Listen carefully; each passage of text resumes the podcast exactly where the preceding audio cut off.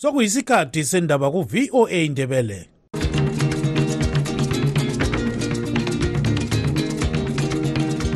amatshono zihlobo siyalamukela kuhlelo lwethu lwezindaba eziphathelane lezimbabwe. Kustudio 7 eya voice of america sisakaza sisewashington dc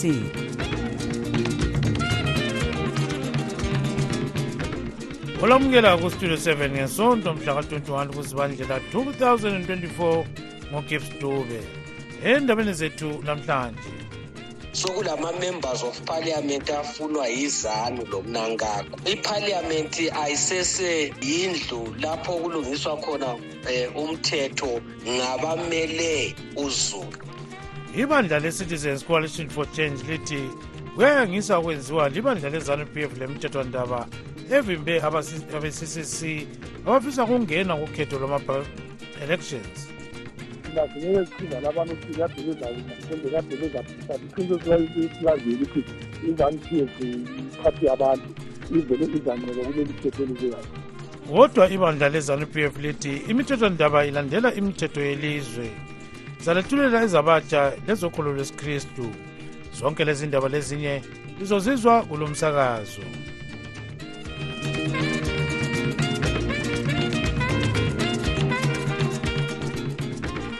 ibandla le-citizens coalition for change lithi kuyayangisa okwenziwa libandla lezanu-p f. Lemithethwandaba evimbe abakubandla le-ccc abafisa ukungena kukhetho lwama-elections oluzayo. Lithi kusobala ukuba urhulumente wezimbabwe kafuni umbuso kazulu. Kusanda kuvinjwa umnumzana amos chibaya labanye bakhe abaxotshiswa edali lepalamente umnumzana sengezo chabango umnumzana prince dubeko sibanda wayemele ibhinga north edali lepalamente wavinjwa ukuba angene kukhetho lwama-by-elections nyakenye. Uthi akumangalisi okwenziwa yimthethwandaba. Lokhu osokusenzakele khathesi sokuyenze ukuthi-ke ama-arms of the state womathathu wonke abe le-illegitimacy kasatshengisi ukuthi a-operator okusemthethweni kumbe okusentandweni yabantu kasela um mandate kazulu. Uzulu akasela confidence kiwo. Ngiza kutsho ngithi ukhangele ukuthi iphalamende kathesi kulama-imposed members of parliament. Akusela ama-members of parliament ayiwo afunwe ngabantu. Sokulama-members of parliament afunwa yizanu lomnankako ipharliament ayisese yindlu lapho kulungiswa khona um umthetho ngabamele uzulu. Sokuyindlu yokulungisa umthetho ngabamele umnankako now ungakhangela lakho singayangena lakujudiciary uzananzelela ukuthi izehlakalo zonke lezi ezenzakeleyo zilulazile ijudiciary. Kukhangela ukuthi khona eh asiqaleni ngathi singakakhulumi even eh, i-recall yakhona yona leyo recall i-recall eh, indlela incwadi ezamukelwa ngazo ephaliyamente kanye laku-ministry of local government kusobala ukuthi kulento eyayivele eh, ihleliwe. Eh kwaba lokuvumelana kulezanu phakathi. Kusobala ukuthi uchabangu kasilutho ku-triple c and akula muntu ongakwaziyo lokho. But ukuthi uthole amakhoti ethi ayamlalela uthi uthole ospika labopresidenti besineti besithi bayamlalela. Kutshengisela ukuthi le yinto eyahlala phansi yahlelwa ngoba asonto esemthethweni. Kodwa ibandla f kodwa liyakuphika lokho baba sibanda izanu lithi hayi izanu p f zwana ngutshele dube. Uchabangu khathesi ukupayroll uyaholiswa uhola 10000 ngenyanga. Kulobufakazi khonapho hayi ka i-payslip asingeke sayithola but bonke abasebenza laye baza kutshela ukuthi uyahola khathesi uchabako ule ukupheyi njalo uyathola lama-allowances lama-fuel le-everything.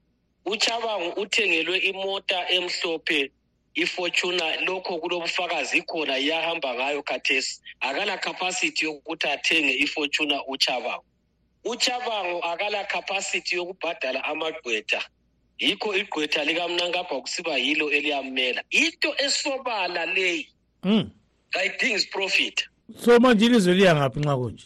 Ilizwe lapho eliyakhona khathesi mbona ngani selisiya lapho okuyayenza khona ukuthi abantu bemelane layo izanu p f ngoba iproblem esikhona ukuthi eh phakathina eh kwama-communities wonke akusela kuthokoza abantu kabaselaqinisa ukuthi po iphilo impilo iyangaphi now alingeke laba lilizwe lokuthi ama-passport office every day kuhlala kugcwele because abantu bafuna ukubaleka elizweni labo. Akula lizwe elinjalo akula lizwe elake lama ngaleyo ndlela so-ke ngokubona kwami-ke lapho sokuyiwa khona sokusobala ukuthi izanu-p f ayisakholelwa phakathina kwama-elections ukhetho kibo ngakuseseyinto abayihloniphayo ngoba umuntu angahamba evoti ivoti yakhe kusasa bona bezanu bayakwanisa ukuthi bayidisqualify bayakwanisa ukuthi bethi oright sesirikhola umuntu wena lo wamvotelayo njalo asamvumeli ukuthi angene. Kanti ayisiwo makhoti afanayo esathi thina sihambe emakhoti before 23 august siya ukuthi kumiswe ama ama ama-double candidates ayefakwe nguchabango kobulawayo ye kwakubona kwaba njani? Anti kwahanjwa kwanjela kwahanjwa kwanjalo kuma-elections silama-double candidates khathesi sokuthiwa akusavunyelwa ama-double candidates ngoba sebefuna ukunika uchabango ibandla labunjwa ngabanye. Lo ngumnumzana prince dubeko sibanda owayemele ibhinga north edala lepalamende. Bexoxa lestudio 7 esebhinga kodwa umnumzana malaki inkomo webandla lezanu p f uyakuphika lokhu thina esikukhangeleleyo ukuthi ilizwe lethu landela i-constitution yezimbabwe ukuthi ukuthi kuze kungene ephalamenti umuntu ukuthi azakele ukuthi usesephalamenti ukubana abe ehambe kuyiphi i-process. So ngaleyo ndlela um thina singeke sichuma labana ukuthi kade bezawina kumbe kade bezaphi but iqiniseko silaziyo ukuthi i-zanu p f iphathi yabantu ivele izanceba kuleli khetho olubuyayo ye kodwa kulabanye abantu abathi ukuvinjwa kwabantu be-ccc ngumthethwandaba kuveza ukuthi ibandla lezanu-p f lidonsa ndawonye le mthethwandaba. Kambe ngaba liqiniso konoko um lawa angamandla. Umthethwandaba uzimele wodwa. Izanu-p f libandla njengamanye amabandla. Asilawuli lutho asikhulumi lutho. Thina silandela imithetho eyabifakeli lizwe. Njalo nje urhulumente yena kunemithetho ayilandelayo njengorhulumente ekhona. Izanu-p f ima uma sokuphele ama-elections lapha kube sokubunjwa uhulumende sokulandela ingatsha zonke zokubusa ezikhona. So uthe singathi thina izanu p f kulolu khetho um ibe lamaye lesandla kumbe yathimthini hhayi kukho thina sikuvuni esikwaziyo yikuthi umthethwandaba yiwo osike wafaka isinqumo indaba ihambe emakhoti ayibuyanga kuzanu p f ihambe emakhoti so isinqumo sonke sivele ngaphi sivele kumthethwandaba. Thina asikho ndawo lapho. Iye kodwa indaba uhlala kuvinjwa abantu laba ngani into ezifanayo phela sonke isikhathi? Asike sithi ukuvinjwa ngumthetho. Usosangithi umthetho wabo sithi angithi lapha laba bantu baqabana bevodakale njenge-triple c. Thina f asingeni ndawo. Okuyabe sengena nguhulumende nguhulumende labo ababe besezihlalweni ukuthi lokhu kuhanjiswa njani lokhu kuhanjiswa njani. Even iphalamenti ukuthi umuntu ahlale ephalamenti kuyabe kusitsho i-political party okuyo yona ithini so lezi zinto zabo abazibanga bekhona ngale uma sesithe zafika ephalamenti sofanele uspeaker of parliament amemezele ukhetho. Angeke ayali ngoba umthetho wabo usitsho ukuthi uma ibandla eliphizile lathi lokhu umuntu asimazi asamfuni ephalamenti wena uphinde umphendulise njani? Usemphathi yena leyo mkhiphileyo uyabona? Umuntu osiyafike segceni nto omunye umuntu uyafanele ananzele ukuthi hawu umthetho uthi uphinde uphenduke wena uphikisane lo mthetho thina izamthetho sazo singasekho la kuyabe sekungumthetho lawulayo umnumzana maleka inkomo ukubandla lezanu p f ubexoxa lestudio 7 esefilabusi siphinde saxoxa ngodaba lolu lo mnumzana kaliphani mpukeni isikhulumeli sikamnumzana sengezo jabangu othi ungunobhala jikelele webandla le-ccc hayi angikwazi lokho angikwazi lokho eh and i think isikhathi eziningi sephumile ekhuluma yena ukuthi akuyena izanu akasebenzisani lezanu and ngeke afa asebenzisana lezanu. Ngingaphiwanga ubufakazi ukuthi nampu ubufakazi. Eh ngizothina kukho kunye engingakutsho. Kumele ukuthi ngimkholwe lokho akutshoyo. Eh i think lakho kuqhakathekile ukuthi siqhubeke ngesystem esebenza umhlaba wonke ukuthi umuntu angafaka i-accusation. Kumele ayibhekhe up phela i-accusation. Ukuvela umuntu aphongwenza i-accusation ngomuntu bese sithi emntwini lo zigeze wena. Eh hayi isystem ingasebenza kanjalo. Eh umhlaba usoze ukwazi ukuthi eh uqhubeke ngendlela esiwazi ngakhona. Esikwaziyo ukuthi ungakhuluma ngomuntu yathi nansi proof. And then umuntu lo bese sithi ke anjani? Azi akwazi ukuthi aziphendulele.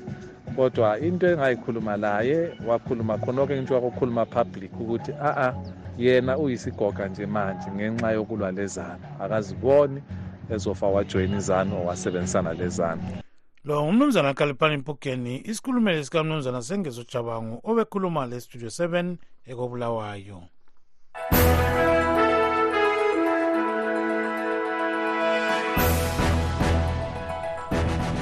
Singakangeni kusigaba esilandelayo sike sikhangele ezivela kwamanye amazwe ngamafitshane. Abezindaba abe-associated press babika ukuba ibutho lakwele-ukraine selibulele amasoja akwele-russia afika phose inkulungwane ezingamakhulu amane 376,000 kusukela ngesikhathi ele-russia lihlasela ele-ukraine. Abaphathintambo besigaba segaza strip bathi sekubulewe abantu abafika phose inkulungwane ezingamachumi amahlanu lanhlanu 25200 selokhu kwaqhamuka impi nyakenye phakathi kwe-hamas le-israel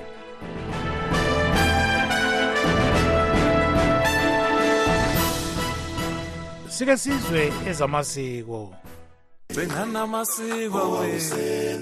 sixoxa le nyanga enkulu udavid mhabinyana ngwenya. Sixoxa ngalokhu-ke okuthiwa yikufungelana ijoyi. Ye ukufungelana ijoyi kutshoni baba ngwenya siyabamukela kuhlela. Hayi ngiyabonga. Ukufungelana ijoyi kuyabe kusenziwa ngabantu abazalanayo. Atsho ukuthi bani? Ungaphindi ungikhulumise. Dalwana la ethi ungangikhulumisi ngalokho-ke kutsho ukuthi sebefungelene. Bengafungelana benze njalo. Lezulwini kuyabhalwa ukuthi bafungelene laba bantu. Abasakhulumisani baze bayekhulumisana umlotha.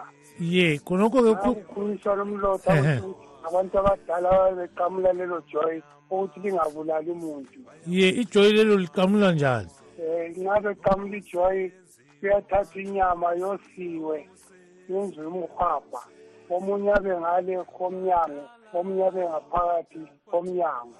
Ebegqinyelwa ngoloya lobaqumela angaquma adle ephandle lola yadle aphume lokhu betshintshana inyama leyami iziye phela ye sebeliqumile ijoyi ye nxa kulungiswa kuvele kuqala ngaphi kusiya ngaphi? Ngibona kuqalayo ukuthi asilungiseni lokho.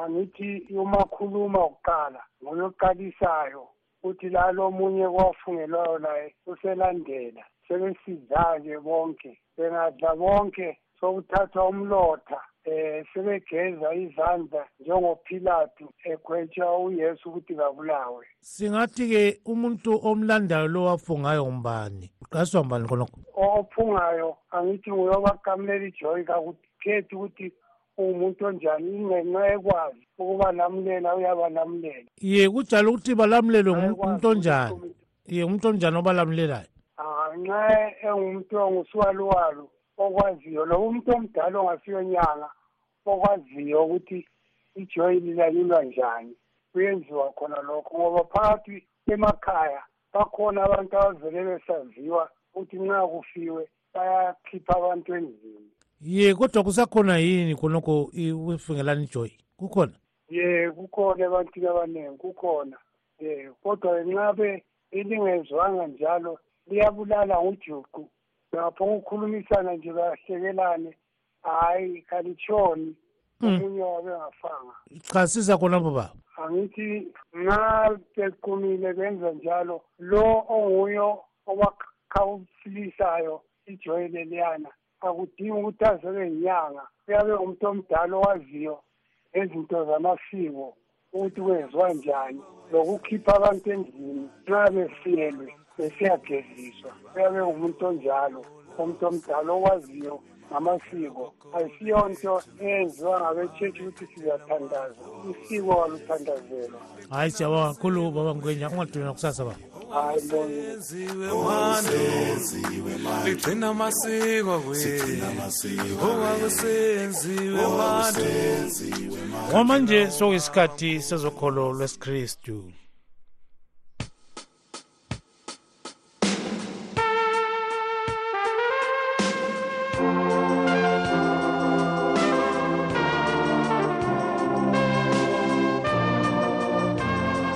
siyahlangana zihlobo ezithandekayo kuhlelo vuselela umoya.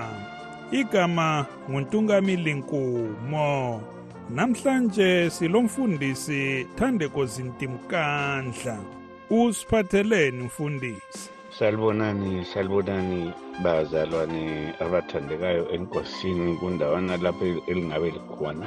Siyahlangana njalo kulo hlelo lolu olokuvuselela umoya. Siyovuselela nje sisenyangeni yokuqala um yomnyaka ka-2024 siyabonga-ke namhlanje sizakhumbuzana ngelizwi lenkosi elitholakala encwadini ngokuloba kukaluka isahluko sesithupha indima yeshumi lanye. Luke chapter 6 ivesini ka-10 sisiya ku-11 kufundeka kanje. Esebaqalazile bonke wathi kuye yelula isandla sakho wenze njalo-ke saye saphiliswa isandla sakhe.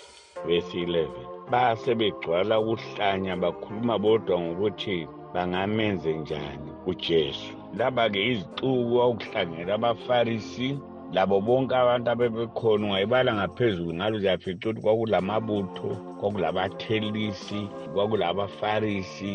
Bonke abantu nje babekhona ngoba wayekhuluma ezixukwini wasezohlangana-ke engena ethempelini wabona umuntu wayelesandla esesithwabhene um ngenye indlela isandla lesensasithwabhene kwakumele silunge kuze umuntu abe lokuphila okufanana lokwabanye. Into emangalisayo yikuthi abanye lapha ababekhangele ukuthi ujesu uzakwenzani ngalesi sandla njengoba njalo kwakuyisabatha eh abajuda babe ngabantu abakhangele kakhulu ukuthi ngesabatha kwenziwani njengoba bona babebambe umthetho kamose ukuthi uzolihlonipha isabatha ungenzi lutho ngalo kodwa-ke bakhangela ujesu waze batshengisa ukuthi yena ungaphezu komthetho kamose ukuthi into enhle kayilakuthi kunini kungaphi kayenziwe. Izinto eziphilisa abantu kazingesikhathi langendawo langokucabanga kumuntu. Into eswelekayo yikwenzela umuntu into enhle. Kungakhathalekile ukuthi kunini ungaphi kumbe ungaphi lalowo muntu abantu bakhangelele ukubana laba benelisayo babenzele okuhle ngesikhathi leso bedinga lolo ncedo. Lundoda kutsho ukuthi wayesehlale wahlala khonapho baze bamazi labanye mhlawumbe abangazalani laye. Ukuthi undoda lo ulesandla esikhubazekileyo kodwa kulanto ababemenzela yona. Into ababeyazi ukuthi nxa ujesu esefikile bazabona ukuthi ujesu lo uzakwenzani ngakho babe sebemethwesa icala lokuphilisa lokwenzela kuhle lo umuntu ababekwazi ukuthi udinga uncedo bona bengelalo bengelandlela zokumsiza. Ujesu-ke kuthi wabakhangela wabathalaza ebusweni ngobana um wayeke wababuza ngaphezulu kungabona uvesi 9 ethi kanti kuhle yini ukwenzela umuntu into enhle kumbe ukumbulala yini? Impendulo yaswelakala. Um lapho esibale khona kuthiwa impendulo yaswelakala ujesu wazi wathi kuye yelula isandla sakho. Um uhlupho lwalungekho kulabo ababekhangele ujesu labo babezenzisa. Yibo nje ababengafuni ukuthi umuntu lo asile. Umuntu lo wayedinga uncedo wayevuma lezandla zombili azisebenzele njengabo bonke abantu. Kodwa laba ababekhangele babesola. Abantu kabayekele ukusola izinto ezisindisa abanye abantu. Kanti bona izandla zabo balazo. Unkulunkulu asisize singabi le nhliziyo le ngqondo yokulimaza abanye abantu. Kasikhulekeni thixo engcwele sinike inhliziyo yokuphilisa ukhuphe inhliziyo yokubulala inhliziyo yomona ngojesu siyakhuleka amen.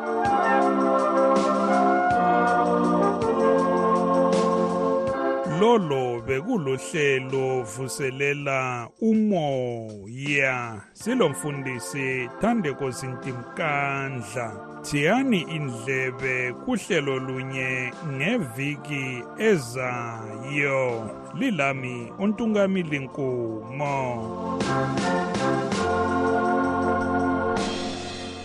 siyabonga kakhulu untungamili nkomo okwamanje sike sizwe ezabatsha.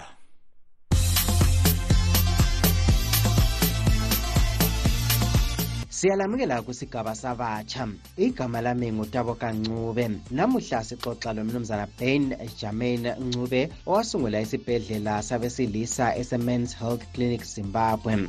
Asimzweni elandisa. Uh, ama-service esilawo aqalela ku-general men's health yonke into ehluphayo umuntu wesilisa okwanisa uthola usizo. Um but silawo athiwa ngesikhiwa ama-focus areas uh, sikhalela izinto ezinjengabo i-rectal dysfunction premature ejaculation low sex drive. Kuyini okwenza ukuthi ucabange ukuthi uqalise isibhedlela esikhangela abantu abesilisa kuphela? Ngesikhathi sangikhona ubaba wami wayengezwa kuhle and uthi sithole sibili indawo ukuthi simhambise ethole usizo without any challenges um, it was very difficult. Uh, that when i discovered ukuthi ngesikhathi sona lesana we did have a single men's clinic in zimbabwe. Yabona ungahamba amanye ama-countries e-south africa and so forth balazo izibhedlela zamadoda specifically. Ekuqaliseni isibhedlela lesi kanye lokwenzakala nje nsuku zonke esibhedlela lesi yibuphi ubunzima elihlangana la qalisa isibhedlela i was young bengile-23 years only and bengingela experience or ulwazi in i-field e-health but i-vision bengilayo so ukuthola abantu abakade befuna ukusebenza lami abantu bokungincedisa ukuthi into le ihambe phambili it was very hard. And even lakathesi abanye abantu ma bengikhayele babekhona ukuthi hhayi no umfana omncane ukwazini? Kalapho akwazi but mina ngabe ngilayo i-vision engilayo ukuthi no izinto kumele zihambe kanje kanje kanje. The second one is batsho ngesikhiwa ama-health care seeking behaviors yabona amadoda amaningi uthi engagula kuyamhlupha ukuthi ehambe esibhedlela. Even mina nginje sometimes ma ngingezwa kuhle isibhedlela angilahla kodwa ukuhamba kwangikhona kuyangihlupha nami. Um ukuhlala kwethu njengamadoda next time ngiyabo uzitshela ukuthi ngangcono ngiqinisele kuzaba ngcono kuzaba ngcono. Kusukisela liqala isibhedlela lesi um kuze kufike namuhla sekube le nguquko na? Eh eyokwengezeleleka kwabantu abangobaba ababuya bezokwelatshwa. Ya ikhona kakhulu kakhulu. For the first three months bekungela noma indoda eyodwa eyabuyayo eclinic. By the six month mark yikho sasicelebrate ukuthi asesibona sesinceda amadoda one hundred but kathesi um in, uh, on the first of february iclinic will be turning six years. Um, and as of uh, of kathesi sesincede over 13000 amadoda. Sibona lapha ungomunye wabantu eh, abanominethwe ku-40 under 40 eh, africa uzwa njani ngenomination le? I-nomination ayethu ngoba usually ma ngiyenzela umsebenzi wami ngabe ngingakwazi ukuthi kulabantu abaningi abawubonayo abananzelelayo ukuthi ngiyenzani kusigaba sabatsha namuhla besixoxa lomnumzana ben ncube owasungula isibhedlela sabesilisa ese-mans clinic. Asihlanganeni ngesikhathi esifanayo ngeviki ezayo olivalelisayo ngutabo kancube.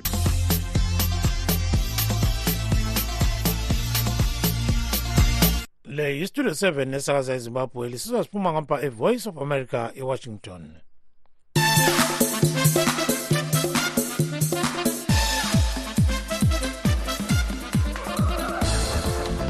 Wezemidlalo emidlalweni ye-africa cup of nations edlalelwa kwele ivory coast amaqembu avuka isiwa. Lamanye asephumelela ukuya kuhlandla lesibili lama-knockout stages.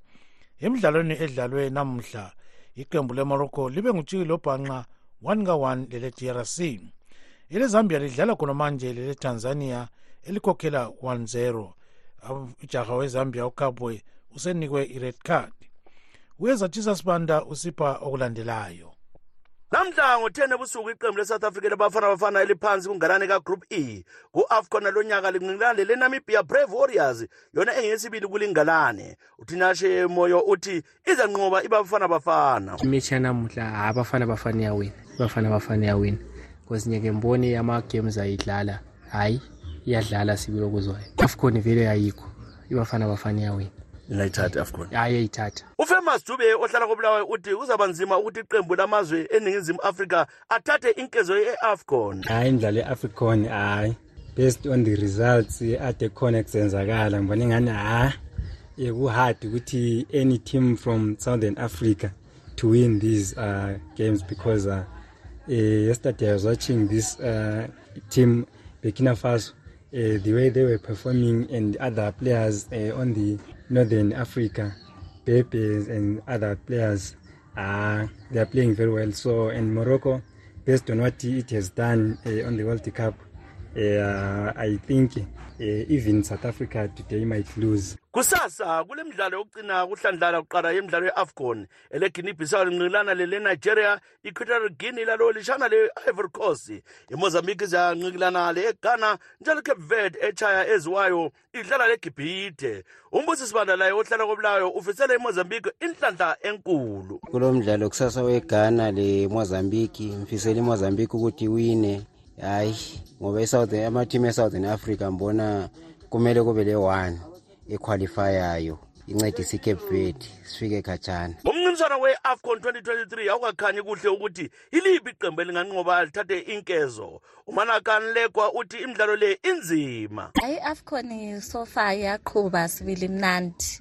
Esengikubonile kukhanya ngani hhayi isenegal iyathembisa le morocco la iyathembisa yikho sokungawina khonapho kukhaphu leyi kusasa njengoba imozambique la idlala le ghana. Bona ngani imozambique yiyo ezathatha? Umncintiswana we-afcon 2023 awukakhanyi kuhle ukuthi yiliphi iqembu elinganqoba lithathe inkezo? Umanakani lekwa uthi imidlalo le inzima? Kunzima laphana lokuyithimu lokho kuthiwa yi-cape verde mbona ngani kuya phambili lokhuya. Bengicabangela ukuthi ingxenye icameroon ezake zamazame but ayiwukhiphi u-onana. Noma nje mina ngimthanda ngisithi ngoyemaniyo kodwa yeshi hayi amboni icameroon eseyaphambili ingxenye vele izahle iphume kulast 16 ayikwani leya team leya. And um mbona ngani itheam ezingane zinzima ukudla kade esingeze west africa? Akhanya ngani ngapha ku-southern africa mboni siphumelela sisiya ngapha. Kulezi nsuku iningi labantu bezimbabwe bazilibazisa ngokubukela imidlalo ye-afcon ungabona kude ngesikhathi umnotho welizwe udonsa nzima. Ngimele studio 7 ngikobulawayo igama namungeza chisa sibani siyabonga kakhulu ezatshisa sibanda kusasa-ke zimi kanje. Guinea bissau versus nigeria. Kuzobuya-ke equatorial guinea iyabe incikilana khona ngale le-ivory coast. Sokubuya-ke imozambique iyatshana-ke leghana. Kuzobuya-ke i-cape verde versus egypt. Sike sibone njalo lokuthi abantu bathini nxa sikhangela ku-voa ndebele facebook page lingakhohlwa phela likhasi lenu leli elithakazelayo.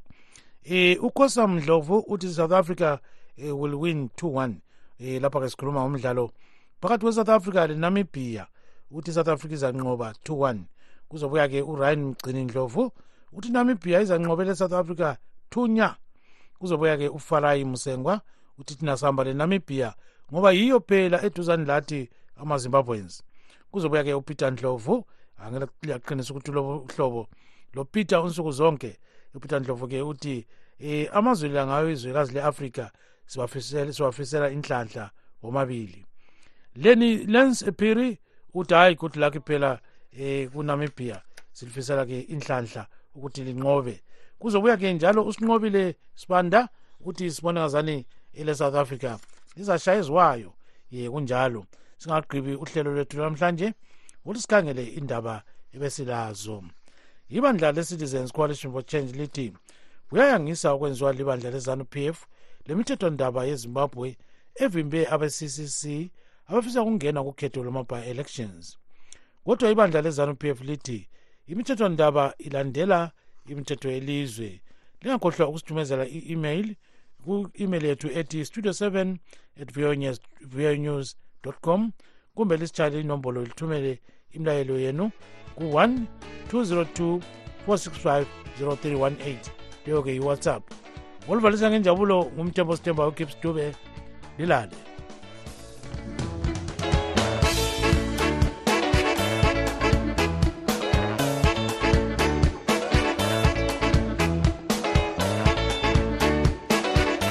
siyalibonga ngokulalela kwenu. Asibeke ithuba elifanayo kusasa kustudio 7 kusukela ngo-half past 7 kusiya ku-8 o'clock ntambama kuhlelo lwezindaba zezimbabwe. Tinotenda nekuteerera chirongwa chedu. Teererai zvakare mangwana kubva na7 p m kusvika na730 p m. Apo tinokupai nhau muririmi rweshona. Lilani. Murara zvakanaka mhuri yezimbabwe